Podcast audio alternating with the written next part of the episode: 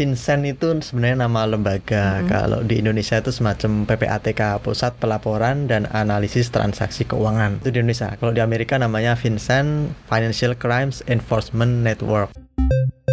kok ini ada juga ya ternyata gitu Bank Indonesia yang masuk gitu di list Vincent Files ini bahwa ada ya quote unquote uang panas yang mampir ke bank-bank di Indonesia.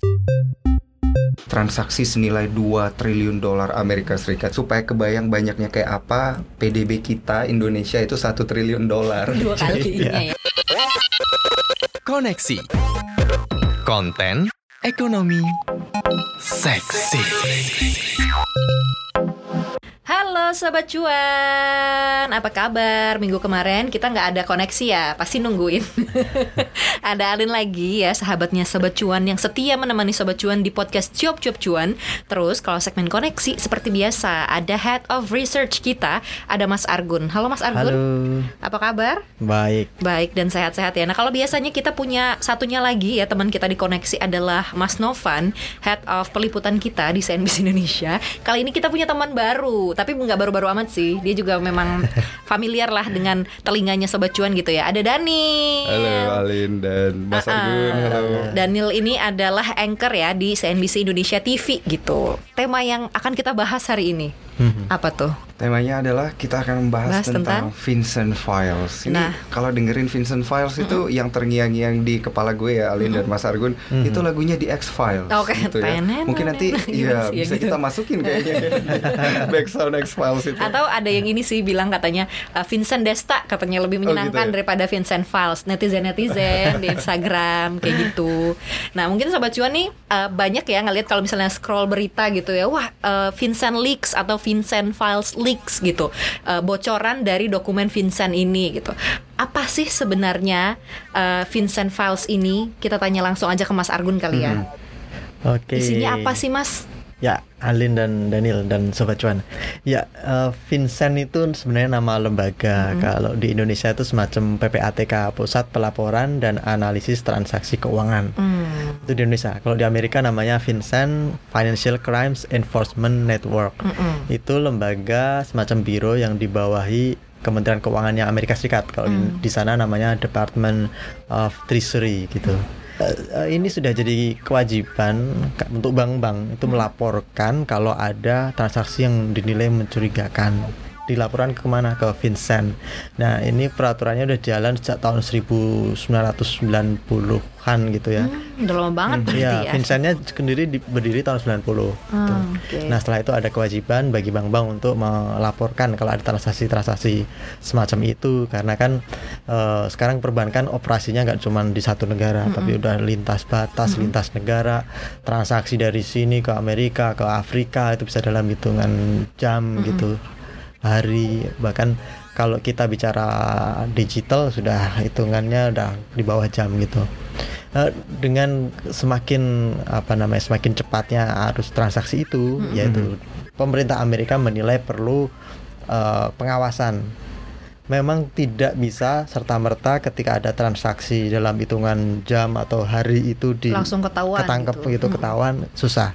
Tapi setidaknya uh, pemerintah Amerika memiliki data bahwa ini si A yang diduga adalah pelaku kejahatan something B misalnya itu melakukan transaksi ke mana mana mana lewat bank apa nah itu yang dilaporkan Hmm, tapi itu kan itu adalah berarti PPATK-nya Amerika gitu ya. Mhm, mhm. Tapi kok ini ada juga ya ternyata gitu Bank Indonesia yang masuk gitu di list Vincent Files ini gitu bahwa ada eh, ya quote unquote uang panas yang mampir ke bank-bank di Indonesia gitu. Totalnya bahkan kalau di eh, rupiahin gitu ya itu 501 eh iya nggak sih 501 juta 819 ribu 332,7 atau it- itu US dollar ya tapi kalau dirupiahin itu 7,1 triliun rupiah cukup besar ya mas ya dan tersebar katanya di 19 bank di Indonesia gitu Iya.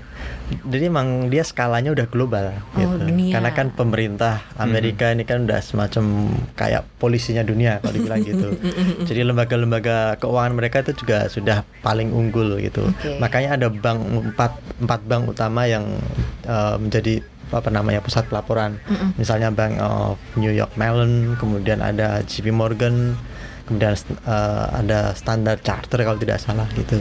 Jadi ada empat. Jadi mereka inilah yang kemudian jadi jangkarnya untuk ngasih pelaporan dan kliennya banyak termasuk bank-bank di Indonesia. Gitu. Oke, jadi bank-bank Indonesia itu adalah kliennya bank besarnya Amerika Serikat gitu. Iya, bank korespondensi Hmm. istilahnya gitu. Nah ini menarik juga karena kalau kita lihat data yang udah beredar juga di berbagai media khususnya di CNBC Indonesia ini dikatakan totalnya itu ada 2.657 dokumen. Ini laporannya berisi 2.100 laporan aktivitas. Nah ini kan berarti ya memang ada kurang lebih dikatakan juga 170 negara gitu ya yang terkait dengan transaksi senilai 2 triliun dolar Amerika Serikat. Kalau Indonesia total tadi ya, udah di, di disebutin seluruh- sama Alin di sekitar seluruh dunia. 501 juta dolar Amerika Serikat. Dan Nah, itu ini- belum semua itu. Oh ini Oh, belum gitu, semuanya Mas. justru. itu baru sekitar 10% Waduh. Ah, oke. dari yang di Dibocorkan nah ibaratnya Berarti di- ada 20 kasih tahu ke triliun dong kalau ini baru 10% gitu ya. ya Ini data dari kapan sampai kapan sih? Ini kan baru 10 persennya nih Ya. katanya. ha-ha. dari tahun 97 sampai 2017 Oke. jadi ya berapa 20 20 tahun, gitu 20 tahun. Iya, pasti- Transaksinya berarti udah Iya, pasti banyak ya lebih banyak dari itu gitu ya. Ini baru 10 persennya aja dan sudah berdampak. kita omongin dampaknya dulu kita gimana nih? Ya. Karena kan kayaknya geger tuh gara-gara dampaknya gitu ya Mas ya. Ketika Vincent Files atau Vincent Leaks ini bocor gitu, langsung deh apa yang terjadi Daniel? Marketnya berdarah-darah gitu ya. Sempat juga ini kan kita biasa diskusi market sama Mas Argun juga di CNBC Indonesia TV itu kita bareng-bareng nih ngelihat waktu itu kok market ini banknya berdarah-darah gitu ya, tapi gerakannya kayak anomali gitu. BRI dan BCA-nya di zona hijau, tapi BNI dan Bank Mandirinya itu di zona merah sendiri gitu. Hmm, Nah, ini tapi- berarti saham perbankan ya. Kalau buat sobat cuan yang nggak tahu nih market Uh-uh. apa sih nih maksudnya Iya. pasar apa gitu, bukan pasar induk ya, tapi pasar saham dan Iya. terutama saham-saham perbankan gitu ya, langsung merah gitu nih. Nah, di hari Selasa itu da- eh, atau ya di hari Selasa hari selanjutnya itu market itu bergerak merah. jauh lebih dalam Selasa tuh lagi. Selasa, Selasa kemarin 22 Selasa September kemarin. ya. Iya, ha-ha, itu lebih berdarah-darah lagi dan di situlah kita akhirnya nyadar ya. Saya dan Mas Argun akhirnya nyadar wah ini ada pengaruhnya dari Vincent Files karena Mm. memang aura dari bank-bank internasional yang udah terkoreksi lebih dulu di Amerika itu akhirnya nyampe juga ke Indonesia gitu. Kayak Deutsche Bank terkoreksi 6%, eh, JP Morgan, kemudian Wells Fargo semuanya Iya. terkoreksi gitu. Dan bank-bank di Indonesia ketularan gitu ya Mas ya. Ketularan. Tapi berarti kena kalau semua. si Vincent Files ini di Amerikanya itu ke, te- terbukanya tuh kapan sih Mas? Kan kalau di Indonesia kan berasanya baru Senin Selasa ya kemarin Iya. ya. Eh, s- malam sebelumnya jadi Senin malam. Kalau di mereka kan tradingnya terlambat gitu. Kita hari Senin malam mereka Senin pagi. Oh, berarti pembukaan pasarnya mereka gitu ya? Ya. itu udah mulai tertekan ada koreksi. Eh, dan berlanjut lagi Selasa dan hari hari ini sebenarnya eh, rebound tapi lebih pada didorong saham-saham teknologi. Tadi malam di Wall Street. Nah malam ini bagaimana kita harus lihat lagi. Tetapi memang di kalangan pelaku pasar itu yang terjadi ada kekhawatiran, tapi kita khawatirannya sifatnya spekulatif. Karena apa? Sebenarnya kalau kita bilang ada transaksi mencurigakan, betul ada. Mm-mm. Apakah transaksi itu pasti fraud atau pasti money Kejahatan laundering, gitu ya, kejahatan? Belum tentu gitu. Hmm. Seperti kita tahu kan PPATK juga mencatatkan ada ribuan transaksi dalam satu kurun waktu satu tahun gitu.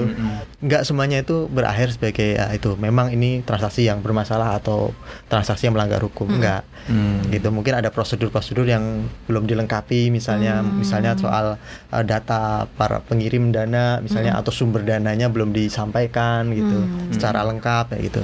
Nah itu yang kemudian dilaporkan ke PPATK dan hal serupa juga terjadi di Vincent. Jadi data-data yang ribuan tadi itu belum tentu semuanya adalah eh, apa namanya data yang bermasalah atau kita kita tidak bisa bilang bahwa ada bukti bank-bank di seluruh dunia melakukan fraud salah besar. Yang ada adalah memang ada transaksi yang mencurigakan karena yang melaporkan itu bank-bank itu sendiri gitu. Oke. Jadi bank-bank sendiri ya, ini kan mereka bergerak di industri yang sangat highly regulated. Jadi aturannya banyak banget termasuk ada istilahnya KYC, know your customer. Oke. Jadi bank kalau punya pelanggan dia harus tahu siapa dia, backgroundnya, sampai Uangnya kita dapat dari mana gitu gajinya ya. berapa, Eh, jodoh, itu belum. ya itu dia harus ketahui dan ketika mereka melakukan transaksi keuangan, ya bank harus mengecek yang mengirim siapa, yang terima siapa. Wajar Kalau dia tidak gitu ya? tahu, nah itu Ah. abu-abu istilahnya. Oke, kayak misalnya gitu, Bang kan punya data gue nih, misalnya Bang tahu oh gaji nih orang itu sebulannya segini gitu, tapi tiba-tiba gitu di Tiba-tiba. rekening ada dar 5 triliun gitu. Hmm, terus transfer ke Daniel 3 triliun. Iya, Transaksi transfer, apa ini? gitu. Itu di report gitu sama bank-bank ini gitu ya, bahwa ini mencurigakan. Tapi apakah bank-bank itu nggak bisa cross check? Maksudnya kayak ya tanyain aja gitu. Kan It- biasa kadang-kadang suka kalau kita pakai kartu kredit kan suka ditelepon ya, benar iya. nggak Anda melakukan pembayaran ini gini-gini gitu, Mas? Ya itu udah di luar kewenangan perbankan. Jadi Oh. perbankan kan nggak boleh melakukan penyidikan atau penggalian data. Oh, gitu, that's why Bical. mereka cuma boleh mencatat dan mereport itu gitu ya. Ya, Dan hanya mengetahui Anda data dirinya siapa gimana dilengkapi ya sudah itu aja. Hmm. Tapi nggak boleh misalnya eh, sumber data Anda dari mana kemudian di- biasanya kan kalau kita kirim ada tuh keterangan Hmm. kolom eh, sumber dana dari mana tabungan atau apa gitu. Nah itu itu doang yang bisa dilakukan bank. Nggak bisa misalnya kita ngisi tabungan terus eh, tellernya bener nih tabungan nggak bisa. Nggak Seuzon ya. ya kali ya uang uang gue gitu. Iya ini nggak bisa kan. Nah itu yang terjadi dan Tapi menarik tadi Mas Argun sempat bilang sumber dananya dari mana gitu. Ini kan semenjak Vincent Files ini bocor dan beritanya beredar di mana-mana, ini muncul juga kekhawatiran dan keraguan-raguan dan menimbulkan juga interest dari pasar dan orang-orang yang ingin mengetahui tentang ini. Katanya sumber dananya itu banyak dari kartel-kartel gitu Mas Argun. Banyak dari Mafia-mafia gitu ya. mafia gitu atau penjualan narkoba dan lain sebagainya. Itu seperti apa Mas Argun? Bener nggak sih sebenarnya Ya bisa jadi benar gitu. Artinya kalau se- seandainya ada mafia gitu yang diketahui oleh publik, tetapi ketika dia belum terbukti secara hukum melakukan pelanggaran, dia masih bisa melakukan transaksi gitu. Hmm. Dan transaksinya itu mungkin untuk sesuatu yang yang tidak wajar, maksudnya kita biasanya beli rumah, beli apa, dia tanya beli apa, misalnya pulau atau beli apa, atau transfer ke politisi misalnya. Nah ini kan bisa dikasih catatan gitu, ini mencurigakan kayak gitu. Atau dia men- mentransfer dana ke uh, mana pengusaha di Amerika Serikat untuk keperluan yang uh, abu-abu juga, pembelian barang-barang yang uh, agak unik gitu. Nah ini yang kemudian ditandai sama mereka. Jadi memang diketahui ini orang kartel. Misalnya gini, kalau kita tahu di Italia nih ada istilahnya mafia gitu. Mafia itu apakah uh, langsung masuk penjara kan enggak gitu. Sama seperti di sini kita misalnya ada istilah tiga samurai, lima samurai yang menguasai beberapa sektor gitu kan. Tapi mereka tidak serta merta masuk ke penjara karena emang tidak terbukti secara hukum gitu. Mereka melakukan pelanggaran. Jadi memang ada asas praduga tak bersalah meskipun publik udah ibaratnya ya tahu Ya, sama udah tahu lah Kayak udah gitu. jadi rahasia umum Iya, gitu ya, siapa tapi sih penguasa bisa. tanah bang itu gitu kan sama kayak tadi nggak bisa kita nembak gitu ya kamu kan pasti kan yang Iya. gitu. kamu pelakunya gitu nggak bisa ya kita Nggak nembak bisa. langsung gitu Jadi itu yang ditandai. Cuman kemudian kenapa uh, pemerintah Amerika atau Kemenkeu mencatat kayak gini-gini?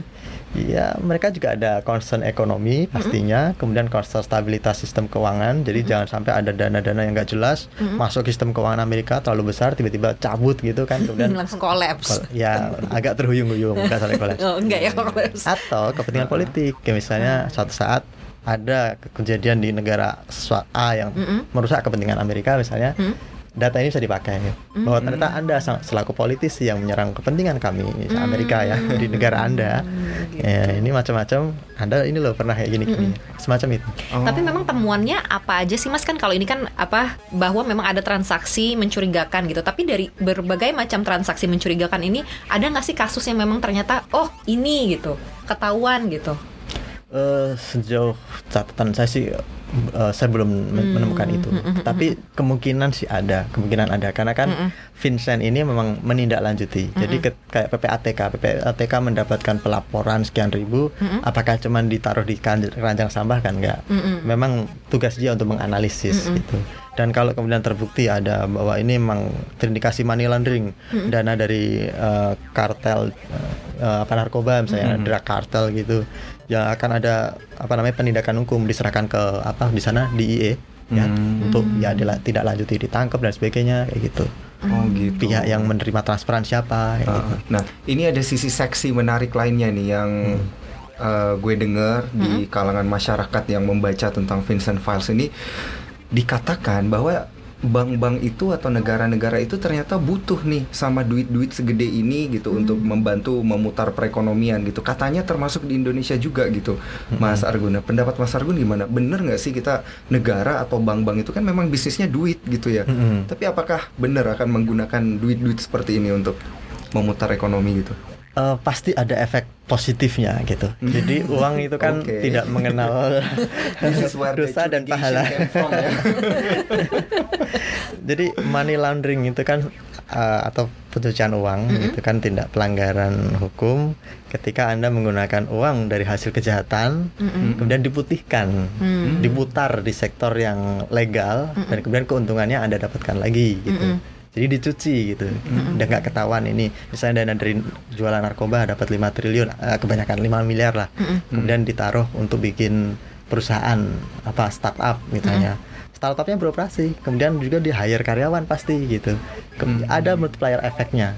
Tetapi kemudian ya biasanya dibiarkan mati setahun kemudian atau beberapa bulan kemudian karena itu setelah diputar kan dia jadi modal kemudian Hmm. dia bisa melakukan aktivitas pencatatan uh, akuntansi misalnya Hmm. pembelian barang dan sebagainya tapi sebenarnya bisa jadi fiktif gitu artinya ya nggak ada tapi hanya dijadikan sebagai alasan biar gitu. ya dana dia terreport ditanamkan di mana dan Hmm. bayangkan kalau yang melakukan itu adalah apa tadi kartel-kartel di mana mafia di mana atau pemilik dana di mana di luar negeri Mm-mm. yang menilai waduh Indonesia kayaknya menarik nih saya mau bikin usaha ini bisnis Hmm. ini apakah BKPM bisa ngetres itu dan melarang itu? Enggak. BKPM hanya mencatatkan ada investor namanya pasti bagus-bagus. Uh-uh. golden apa kayak gitu ya Oh, maksudnya. Ya, nggak mungkin kan pakai yang jelek-jelek kan ya. Atau hope apa gitu. Hmm. dan investasi di Indonesia tercatat jadi FDA ada efek bergulirnya ke perekonomian. Indonesia diuntungkan? Ya betul diuntungkan. Mm-mm. tapi ya meskipun ada manfaatnya tapi tetap barang yang uh, apa namanya diambil atau diproduksi secara ilegal kan ya tetap Hmm. ya melanggar hukum gitu harus Hmm. ditindak Jadi sebenarnya negara ini atau uh, bank itu dia tahu nggak tahu gitu ya uh, menerima dana kalau Asalnya tujuannya dari mana, memang gitu. baik atau apa gitu dan memang nggak tahu uh, sumber dananya dari mana ya udah gitu ya berarti bisa nggak bisa kita salahin juga gitu kan ya, Ya. Ya. Mas Argun ya ada matrik-matriks yang apa ya harus dipenuhi bank untuk untuk apa melaporkan itu ke Hmm. PPATK kalau di kita. KYC-nya itu harus jalan misalnya yaitu suruh ngisi data-data siapa orangnya Hmm. sumber dana dan sebagainya.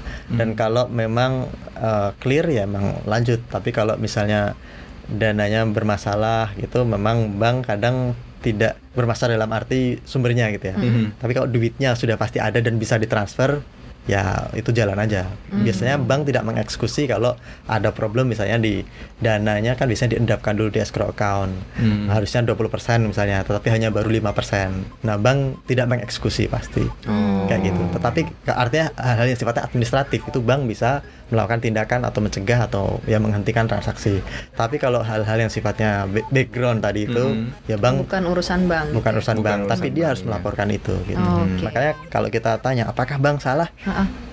Enggak juga, enggak Nah, salah. iya, itu karena yang- mereka sudah yang sesuai dengan prosedurnya publik. mereka Mm-mm. gitu ya, ya, sebenarnya makanya kalau ada yang mau disalahkan terkait dengan Ven- apa Vincent Vincent File. File ini, Mhm. ya kita harus nyalahin regulator gitu. Hmm. Hmm. Artinya kalau ada dana-dana bermasalah, apakah bank-bank ini perlu melaporkan lebih lagi dan apakah misalnya perlu ada ekstra ekstra policy misalnya ketika ada curigaan itu Mm-mm. maka pihak PATK kalau di kita atau Vincent di sana langsung mengirim staff misalnya melakukan tindakan pencegahan gitu. Mhm. Nah, ini yang tidak ada Hmm. di seluruh sistem keuangan dunia. Jadi ya Hmm. yang terjadi du- kalau dulu ya 20-an tahun lalu ya memang transaksi itu lima hari gitu. Kita ngirim ke Amerika atau ke mana Mm-mm. lima hari baru clear gitu. Hmm. Nah, sekarang kan udah cepet hari ya dan- siapa yang mau nunggu selama itu Nah, makanya saya pikir ketika ada kebocoran ini ya catatan ke regulator. Iya. Ini transaksi udah semakin cepat. Anda udah nggak bisa kayak dulu lagi tahun dua- 90-an. Dan ini harus digarisbawahi juga ini ya Alin untuk dan juga Mas Argun untuk para sobat cuan. Jadi jangan nyalahin banknya gitu. Banknya justru di sini udah melaporkan Mm-mm. gitu kan dengan mengirimkan data-datanya ke Vincent itu. Mm-mm. Harusnya Vincent itu atau regulator yang sudah mengeksekusi itu ya. Sekarang dia kebetulan bocor ya kan kita jadi tahu nih bank udah melakukan Berarti tugasnya, eh, eh, di- gitu kan? mm, betul dia melakukan itu ya tugasnya bahwa kalau ada yang eh, mencurigakan ya dia sudah melaporkan itu gitu. Mm-mm. Nah tapi kalau misalnya yang awam kan tadi kalau yang main saham ya tahu lah ya tadi kebakaran gitu. Iya. kalau yang kayak saya gitu nasabah bank, misalnya bank saya adalah yang masuk ke 19 ba- 19 bank di Indonesia yang ternyata dapat aliran dana yang diduga ini adalah uang-uang nggak benar gitu. Hmm, hmm, hmm, hmm. Saya harus gimana Mas Arkun? saya khawatir kan, aduh gue gimana gitu kan. Iya. Ya sobat cuan ini aja buka TV Heeh. atau dengerin podcast cop cop cuan. Ya. Santai aja, tenang. Metal. Ta- Karena memang ini tidak mengindikasikan apa pun terkait dengan kesehatan bank. Apakah misalkan ya ki- kita tahu lah ada beberapa bank, bank besar, bank buku 4 ada di situ, bank buku 3 juga banyak di situ. Eh, kalau disebutin ya pasti sobat cuan bisa nyari sendiri kan di berita gitu ada yang lep- bilang 18, ada yang 19, tapi kalau teman saya ada 21 gitu. Dan perlu dicatat itu ya tadi belum semuanya. Hmm, Hmm. baru 10 persennya. Ya kalau di dunia jadi mungkin semua perbankan kita juga memiliki transaksi mencurigakan, Oke. but it doesn't mean that they are doing something wrong gitu. Iya, iya, iya, Gitu. iya, iya. Yang melakukan kejahatan itu para nasabah. Mm-mm. Sekarang gini, apakah penjahat itu tidak berhak punya tabungan? Ya, berhak. Berhak. sih kan warga negara juga. Iya, gitu, jadi kalau mereka terdaftar. mau penjahat kayak apa pun kalau punya KTP ke bank nyetor udah punya tabungan. kalau udah punya tabungan bisa melakukan apa pun ya transfer atau Iya. apa pun ya gitu. Jadi memang bank ini itu kan netral. Kemudian nasabahnya ada yang baik kayak Daniel, ada yang cakep kayak saya, ada yang seksi kayak Alin. Seksi ya. Terus Terus ada yang jahat gitu. Nah yang jahat-jahat ini juga sejak awal memang intensinya untuk melakukan kejahatan Oke. gitu. Misalkan dia transaksi ke mana itu terkait dengan aktivitas kejahatan dia. Yang bisa dilakukan regulator dan pihak berwenang ya tadi di sektor real misalnya polisi dia sudah mendeteksi ada kejahatan apa dan transfernya ke mana dia bisa bekerja sama dengan PPATK untuk melakukan pengecekan secara langsung se- sedini mungkin. Dan itu yang harusnya dilakukan sekarang ini terutama ketika uh, transaksi digital semakin cepat gitu. Udah nggak lagi lima hari untuk nyelesain transaksi antar ini Nah, dan untuk negara. memperkuat itu ini juga dari cnbcindonesia.com nih kita dapetin satu artikel yang menarik karena ternyata Bang Himbara udah merespon nih Alin dan Ya. Mas Argun. Jangan-jangan yang nulis Mas Argun ini ya. Jadi ada tiga poin ya yang disampaikan oleh Bang Himbara Bang bahwa Himbara tuh apa dulu coba? Himbara eh, himpunan bank milik negara Oke. gitu ya. Ada BRI, BNI tahu. dan juga Bank Mandiri gitu ya. Kan kita ada Big Four tuh salah satunya swasta soalnya. Ini nah Himbara itu eh, menginformasikan ada tiga poin bahwa pelaporan transaksi nasabah itu udah diatur di Undang-Undang Nomor 8 Tahun 2010 tentang anti pencucian uang dan pencegahan penin- eh, pendanaan terorisme. Kemudian eh, sudah ditetapkan bahwa direksi dan komisaris pengurus atau pegawai pihak pelapor dilarang memberitahukan kepada pengguna jasa atau pihak lain bahwa secara langsung maupun tidak langsung dengan cara apa pun mengenai transaksi keuangan mencurigakan yang sedang disusun atau telah disampaikan kepada PPATK. Jadi memang ini informasinya sebenarnya bukan buat publik Mm-mm. gitu. Kan makanya leaks kan bocor gitu. Leaks dan yang Iya. ketiga ini sudah ada dukungan sistem yang handal bank-bank himbara ini senantiasa berkomitmen untuk memenuhi kewajiban pelaporan kepada PPATK gitu jadi Mm-mm. bank kita sebenarnya himbara gitu ya tambah lagi Iya. satu ada eh, bank BTN gitu kan himbara juga Nah, Mm-mm. semuanya bank-bank ini sepertinya baik-baik aja gitu karena memang sudah menjalankan tugasnya gitu Iya. Sudah sesuai prosedur sudah gitu lah sesuai ya. prosedur Iya, jadi emang sudah digariskan dan di Amerika Serikat juga seperti itu, emang kewajiban. Kalau nggak dijalankan, justru bank itu yang kena sanksi. Jadi misalnya ketika pihak berwenang mengetahui ada aktivitas transaksi uh, dari ke, uh, hasil kejahatan Mhm. dan bank tidak memberikan apa namanya uh, red, red flag istilahnya untuk memberikan awas loh ini kayaknya mencurigakan gitu. Justru yang kena bank. Makanya ketika bank melaporkan semakin banyak red flag gitu, justru itu jadi indikator bahwa ini bank semakin comply dengan aturan gitu. Makanya seperti tadi disebutkan aturannya memang harus, harus melaporkan itu, tapi bank nggak bisa melakukan tindakan. Mm, ah, ah. Yang melakukan penindakan ya pihak berwenang gitu. Hmm. Nah makanya sekarang eh, pasar koreksi itu eh, mereka menunggu apakah eh, ini nanti akan ada eh, ekses yang lebih jauh. Misalnya Hmm. setelah Vincent Files bocor, apakah regulator Amerika FSA di sana misalnya akan memberikan kewajiban baru ke bank-bank di sana untuk lebih comply lagi dan itu bisa ber, berimbas pada kenaikan cost. Hmm. Misalnya diwajibkan bikin divisi khusus berisikan sekian orang yang kewajibannya uh, le- melaporkan lebih intens lagi, nggak lagi cuman daily misalnya tapi harus hourly kayak gitu. Nah hal-hal seperti itu yang bisa meningkatkan cost yaitu secara fundamental bisa mengganggu meskipun nggak nggak terlalu besar efeknya nggak sampai bikin rugi ya pasti. Nah, tapi kan cost tambahan dan di sisi lain ada nggak kemudian mungkin tindakan yang sifatnya uh, stick dari regulator stick apanya Hukuman, gitu. hukuman. Jadi kalau bank-bank ini eh, ya sudah sudah mencatatkan kayak gini, melaporkan kayak gini, apakah bank regulator masih akan menilai perlu sesuatu yang lebih dan kemudian berakses pada hukuman, Hmm. sanksi-sanksi tertentu, kewajiban untuk memutus misalnya ini yang dikhawatirkan, Hmm. dikhawatirkan memutus relasi dengan klien tadi. Hmm. Kalau klien diputus berarti kan otomatis dana berapa miliar triliun dari DPK-nya Hmm. juga harus diputus. Mhm. Dan itu berarti kehilangan eh, apa potensial apa ya bisnis buat bank tersebut Hmm. gitu. Sejauh mana ini masih ditunggu gitu. Hmm. Apakah tiba-tiba nanti bank-bank diwajibkan ya siapa aja yang ada di daftar itu misalnya ini ya Hmm. eh, harus diputus kontraknya. Nah, ini udah buat bank akan jadi loss gitu. Makanya kalau kalau yang jadi fokus perhatian sekarang itu harusnya regulatornya. Mau apa nih sekarang gimana? Nah, selama itu belum ada ya pasar masih akan bimbang gitu. Nah ini Bingung. Masih akan Kalau kita- ketakutan ya. Iya ketakutan kalau kita hubungin juga ke pasar tadi Mas Argun bilang ini baru 10% Mm-mm. sehingga itu gua ngelihat uh, kondisi pasar juga jadi bingung. Kenapa baru sekarang ini dimunculkan kasus ini Mas Hmm. Argun? apakah memang sengaja gitu supaya uh, para investor-investor besar itu bisa jualan gitu istilahnya ya? Karena kan melihat pergerakan pasar saham itu udah tinggi banget di Amerika gitu Ya. kan. Di pasar saham dalam negeri kita juga dikatakan udah lumayan tinggi naiknya. Itu tiba-tiba diledakkan kasus ini supaya para investor bisa jualan itu benar nggak sih Mas Argun? Ini kan kita ngomongin teori Iya, iya, konspirasi iya, gitu ya. Ini yang paling disuka nih sama masyarakat Indonesia biasanya. heeh.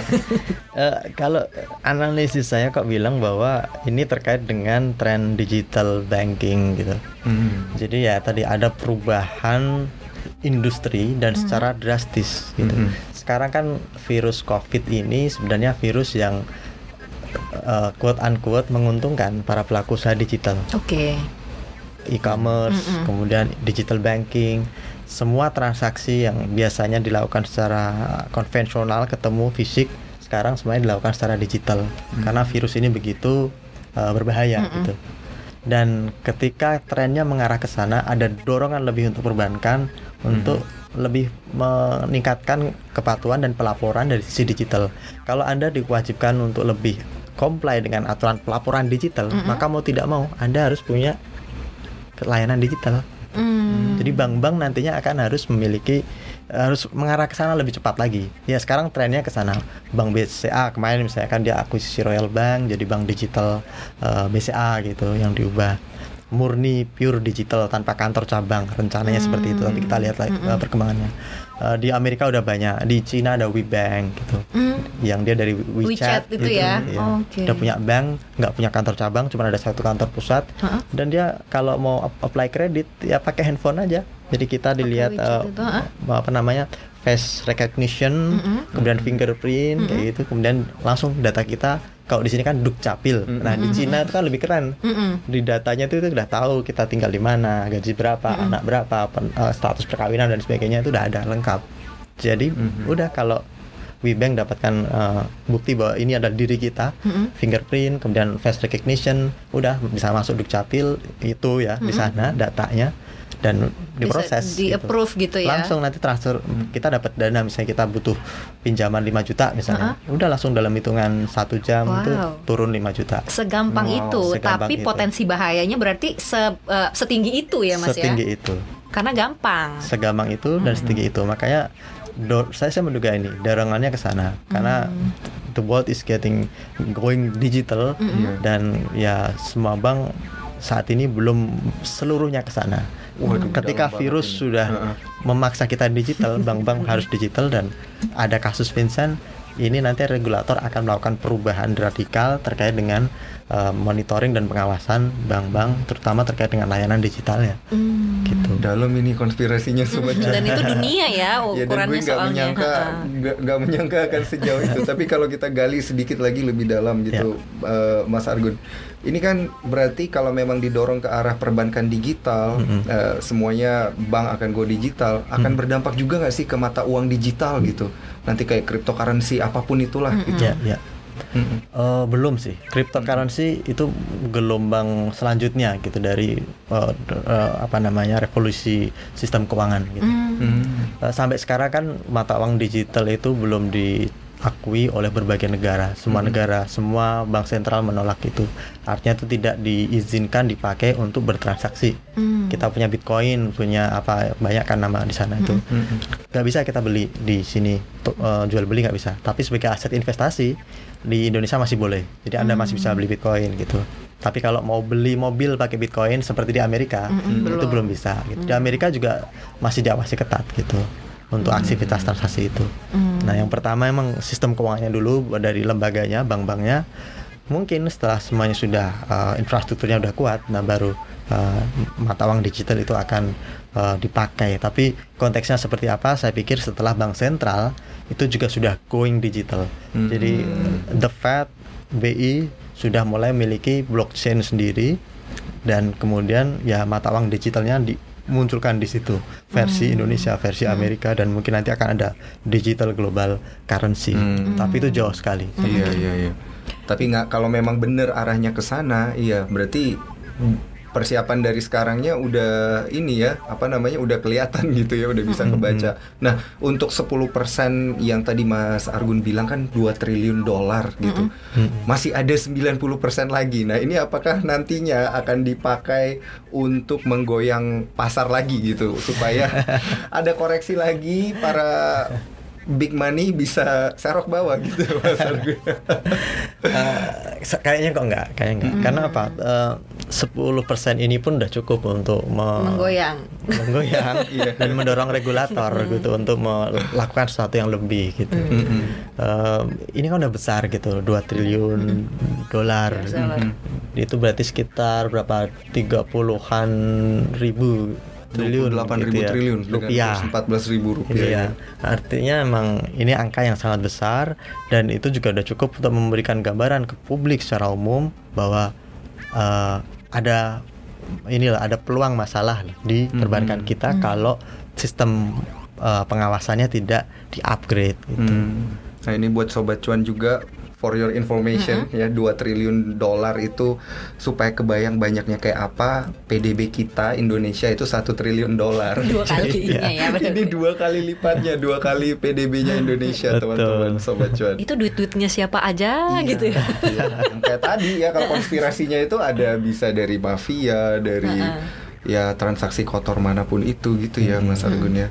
Nah, pemilik daripada uang-uang ini, uangnya kan ini sedang diinvestigasi nih. Ada nggak sih regulasi untuk membekukan transaksi gitu Mas Argun? Ya kalau eh, pembekuan itu hanya bisa dilakukan dengan perintah pengadilan atau kejaksaan gitu. Kalau di polisi misalnya eh, kita itu kan sistem perbankan kita itu udah modern. Jadi siapa pun tidak boleh mengakses data rekening nasabah. Oke, bahkan eh, eh, penegak hukum sekalipun gitu ya. Iya. Kalau misalnya tidak ada surat perintah gitu. nggak bisa. Oke. Bahkan pajak, Hmm. petugas pajak tuh nggak bisa. Hmm. Eh, dulu teman-teman pernah itu, nonton filmnya Will Smith, Hmm. Pursuit of Happiness. Iya. ketika dia lagi apa miskin banget Ha-ha. gitu kan lagi ya, bangkrut banget tinggal jualan satu alat apa itu ronsen apa itu tulang itu Mm-mm. dia kan aduh masih ada duit gitu kan terus dia ngambil di ATM tiba-tiba duitnya ada lenyap keterangannya apa? Diambil sama petugas pajak. Mm-mm. Waduh. jadi dia nunggak pajak Mm-mm. dan petugas Bisa pajak diakses gitu langsung dipotong gitu. Oke. misalnya sekarang itu diberlakukan di Indonesia saya belum bayar pajak saya lah pajak apalah PPN atau PPH gitu. Mm-mm. ya udah tiba-tiba ketika jatuh tempo udah dipotong kalau saya belum bay- bayar. Termasuk dendanya Hmm. Sistemnya auto debit yang ngeri juga. ya. Auto Pajak auto debit. Iya. di sana udah bisa petugas pajak atau IFRS di sana mereka namanya eh, bisa mengakses data nasabah di perbankan itu Ah, diizinkan. oke. Di Indonesia peraturan kita belum belum boleh. Hmm. Makanya itu yang sempat didorong sama dulu Kementerian Keuangan dulu untuk bisa ngakses data eh, nasabah bank, tapi sampai sekarang masih maju mundur belum. Wah kayaknya deg-degan sih itu kalau sebagian besar rakyat Indonesia ya. Secara kita kalau auto debit apa aja gitu suka kita akalin kan kadang-kadang. Kayak gua ambil dulu deh duitnya sebelum di auto debit. supaya nggak bisa di auto debit gitu ya. Heeh. agak ngeri juga. Nah, tapi kalau kita balik lagi nih Alin ke dan Mas Argun ke Vincent Files ini, kan kita membayangkan tujuan sebenarnya itu apa sih selain di leaks ini? Kan tadi kita juga udah mengira-ngira uh, Bahwa digitalisasi perbankan ya iya. untuk didorong ke sana gitu. digitalisasi perbankan dan lain sebagainya. Nah, apalagi sih Mas Argun sebenarnya alasan-alasan di balik itu karena setelah dibocorkan ini nggak ada tuh ya kita dengar hukumannya gitu atau mungkin konsekuensinya bagi Vincent uh, Vincent sendiri atau mungkin mereka yang membocorkan itu juga nggak ketangkep gitu Mas Argun. Hmm. Eh, ini kan dulu mengingatkan kita pada kasus sebelumnya tuh Panama Papers, Panama ingat? Papers, Ah, mm-mm. Oke. modusnya kan sama. Jadi tapi waktu itu kan yang dibocorkan ya eh, lembaga lem- transaksi yang dikelola oleh lembaga-lembaga atau istilahnya Shell apa tuh company shell itu. company ya Mm-mm. perusahaan cangkang gitu. Jadi kalau eh, beberapa politisi di sini kan yaitu untuk untuk nyembunyiin duitnya yang dari uang politik taruh di perusahaan cangkang statusnya investasi dan sebagainya nanti balik lagi dia dapetin banyak politisi kita yang namanya ada di situ gitu. Tapi ya selagi lagi itu tidak serta merta mengindikasikan ada kejahatan gitu. Yang mereka lakukan adalah penghindaran pajak dan untuk beberapa negara itu sah. Oh gitu, bukan Tidak itu bukan hukum. kejahatan. Bukan, karena kalau Anda bisa melakukan eh, apa namanya, membikin agar agar kewajiban pajak Anda rendah di laporan keuangan akhir tahun tanpa melanggar aturan pajak, ya nggak apa-apa gitu. Kalau prosesnya benar gitu ya. Tid- kalau tidak ada yang dilanggar, ya. Jadi misalnya, It's okay gitu. it's okay. Oke. Ini ibarat kita ngomongin kalau lo bisa menghindari pajak, lo pintar gitu. Makanya ada konsultan pajak banyak sekali. Oke.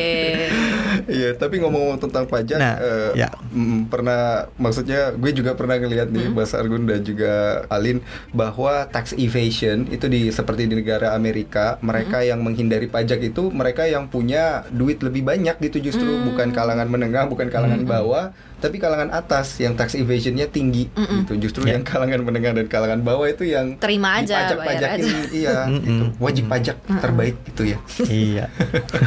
ya itu memang, memang faktanya seperti itu. Karena kan kadang kewajiban pajak itu untuk orang kaya itu bisa nilainya puluhan miliar. Hmm. Setahun. Kalau kita kan mungkin ya Kalau kita ya berapa sih? jutaan lah belasan juta puluhan juta paling kan dia puluhan miliar jadi bayangin eh, anda punya uang yang sebenarnya bisa dibikin dipakai buat beli pulau harus dikasih ke negara gitu kan.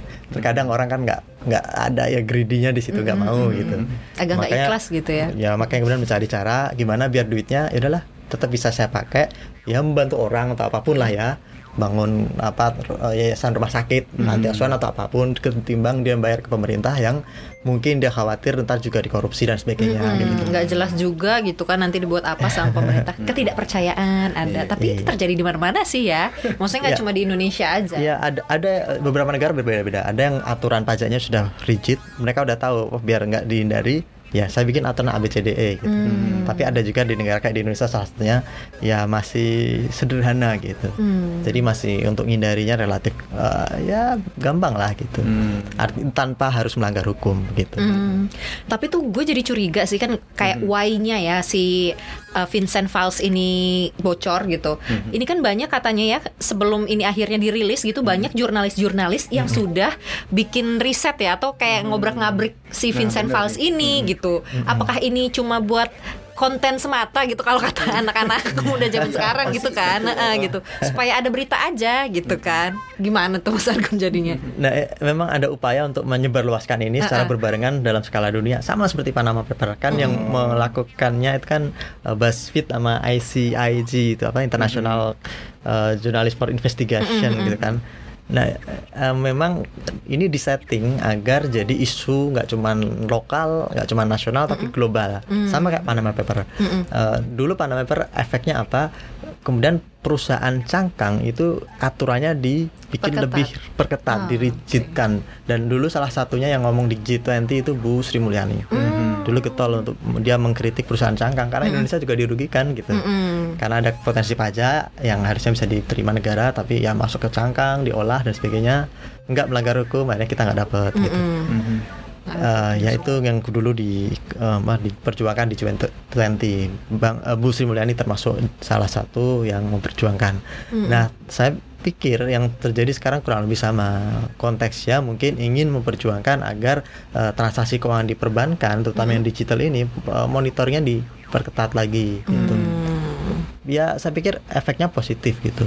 Tapi untuk beberapa pemilik dana mungkin ya dia akan Deg-degan. deg-degan. Nih. Waduh. Duit gue gimana nih kalau dibekuin juga nggak bisa beli saham ya, nggak bisa Iya. cuan.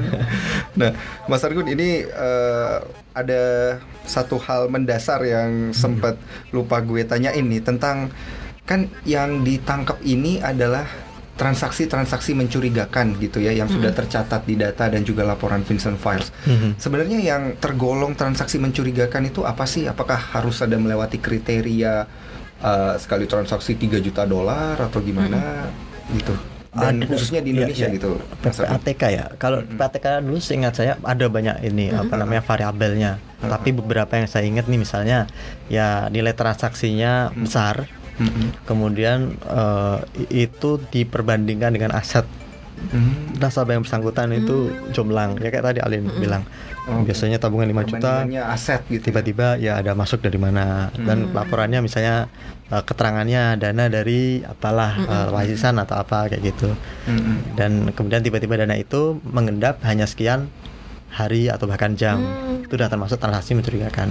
Mhm. jadi kalau untuk untuk praktik normal dana besar biasanya diendapkan di bank untuk kepentingan investasi. Deposito kayak gitu kan. Karena kan ya time is money gitu kan. Satu minggu dua minggu satu bulan tuh buat uang bisa bernilai jutaan atau miliaran kalau uangnya gede gitu bunganya gitu kan. Makanya biasanya kalau ada uang gede ya masuknya ke deposito setahun atau tiga bulan.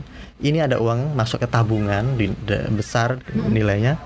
Dan Ya, cuma sebentar. cuma sebentar ya itu termasuk mencurigakan. Hmm. sumbernya kemudian dari sumbernya. Kalau sumbernya tidak jelas transaksi apa keterangannya tidak me- apa namanya mengkonfirmasi apa namanya logika umum gitu. Ya tadi keterangan dana dari mana? Dia bilang eh, dari apa jual apalah gitu kapal pesiar atau apa. Yang ya itu bisa dikasih ini eh, apa tanda dan itu masuk ke yang daftar yang dilaporkan. Kemudian pengiriman ke mana? Kalau dikirim ke mana perusahaan atau ke negara yang abu-abu misalnya Mauritius perusahaan konflik misalnya ke Irak misalnya atau perusahaan Suriah yang lagi konflik Iran misalnya lagi dimusuhi sama Amerika Serikat. itu layak dikasih tanda kalau eh, standar kayak gini pelaporan sekarang. Jadi emang ditandai dulu apakah benar itu ber apa namanya bermasalah? Belum tentu. Bisa jadi dikirim ke Irak untuk bantu korban di sana kan misalnya kayak gitu tapi yang penting ditandain dulu Ditandai kemudian nanti kalau misalnya ini ada investasi eh, investigasi lebih lanjut gitu Iya, ya. udah ada jejaknya ketahuan kayak gitu. Iya. Ada lagi nggak nih yang bisa kita gali tentang Vincent Fals? Ya. Mhm. Kalau menurut saya sih ini ya, ke saat ini memang eh, perbankan kita itu memang tidak eh, secepat di negara-negara maju perkembangannya. Tetapi overall kita sudah mengarah ke sana gitu. Jadi kalau kita bicara sistem pengawasan, sistem pelaporan, yang seperti disebutkan Himbara tadi, itu sudah rigid aturannya gitu. Nah, n- namun kalau kita bicara pencegahan kejahatan yang proaktif mestinya baris krim, polisi, kejaksaan yang mengendus eh, apa praktik kejahatan tersebut. Dan inilah yang kita kalah kalau dibandingkan di luar negeri di Amerika Serikat misalnya. Di sana FBI itu mereka bisa langsung otomatis bergerak tanpa menunggu laporan. Kalau kalau misalnya kejahatannya tanpa perlu delik aduan itu mereka udah langsung di kita. Ada beberapa misalnya harus aduan dulu. Kalau misalnya penipuan harus ada yang ngadu dulu. Kalau enggak ya nggak bisa gitu. Atau transaksi yang eh, dinilai abu-abu misalnya sebu- ada ada perusahaan bermasalah kayak gitu kan nah di kita nggak langsung di ditandai sama sama kepolisian gitu sampai nanti ada keluhan atau pihak yang dirugikan kayak gitu. Nah, di, lemahnya di situ di sistem keuangan kita Mhm. itu atau investasi atau atau transaksi keuangan ya pihak kepolisian baru akan turun ketika ada aduan gitu. Meskipun udah ada indikasi kadang mereka belum bergerak sendiri. Di di Amerika Serikat di FBI bisa lebih proaktif. Makanya eh, sebanyak apa pun yang dilaporkan ke PATK, tapi kalau pelaku usaha, pelaku apa namanya penegak hukum tidak tidak proaktif, ya bakalan percuma gitu. Eh, Bank-bank kita udah patuh-patuh, bank sama seperti bank-bank di Amerika juga patuh-patuh, tetapi data itu akan sia-sia kalau tidak ditindaklanjuti. Dan mungkin mereka yang menyebarkan eh, apa membocorkan data ini tujuannya ke situ juga. Hmm. Misalnya di Indonesia uh, kan yang lagi rame itu salah satunya misalnya dari data Vincent itu transaksi apa namanya atau transfer dana terkait dengan pembelian pesawat Sukhoi dari Rusia gitu. Hmm. Ini kan hal yang sifatnya apa delik-delik korupsi dalam tanda kutip ya perlu dibuktikan. Nah harusnya itu disidik kayak gitu. Nah ketika udah dibocorkan sekarang kan ada data tuh mana yang mencurigakan dan mungkin nanti jurnalis bisa melihat oh ada keterkaitan antara si pen- pengirim dana ini dengan kasus apa dan itu bisa jadi pressure untuk penegak hukum kita. Mm-mm, gitu. Harapannya sih ke sana. Jadi koreksi yang terjadi sekarang di saham-saham perbankan ya saya pikir itu hanya kekhawatiran dari pelaku usaha atau investor semata. Bank akan dikemanain, akan diapain? Mereka nunggu Bank Indonesia dan OJK. Mhm. Nah, Himbara udah ngasih pernyataan, tapi OJK dan BI sampai sekarang belum memberikan pernyataan yang menenangkan gitu.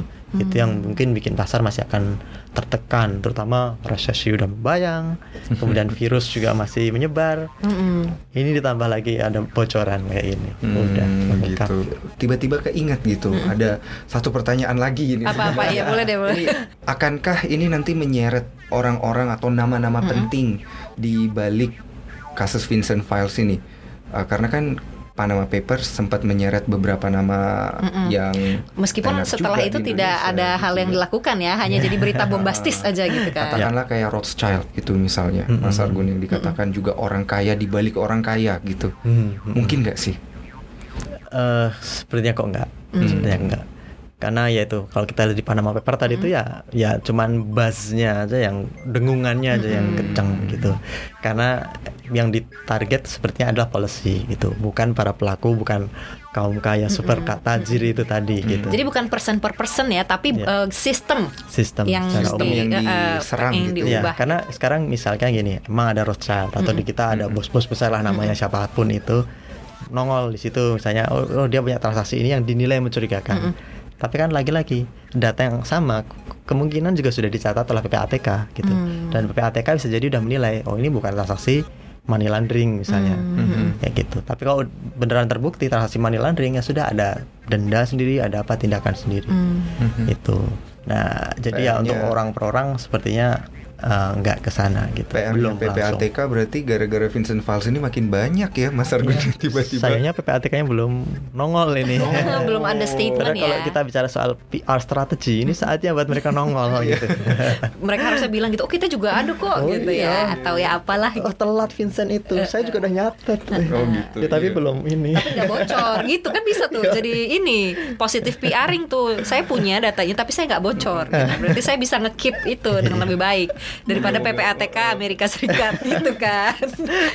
Moga-moga kita bisa cepat-cepat denger ini. Apa sih statementnya dari PPATK sendiri? Karena bank-bank juga udah banyak menyebutkan mereka eh, menjalankan kewajiban sudah sesuai dengan aturan dari PPATK sendiri gitu. betul gitu ya sobat cuan. Jadi semoga aja nih sobat cuan udah dapat gambarannya. Tadi kita ngobrolin dari awal terus di tengah kemungkinannya gimana gitu ya. Intinya jangan khawatir enjoy the life aja.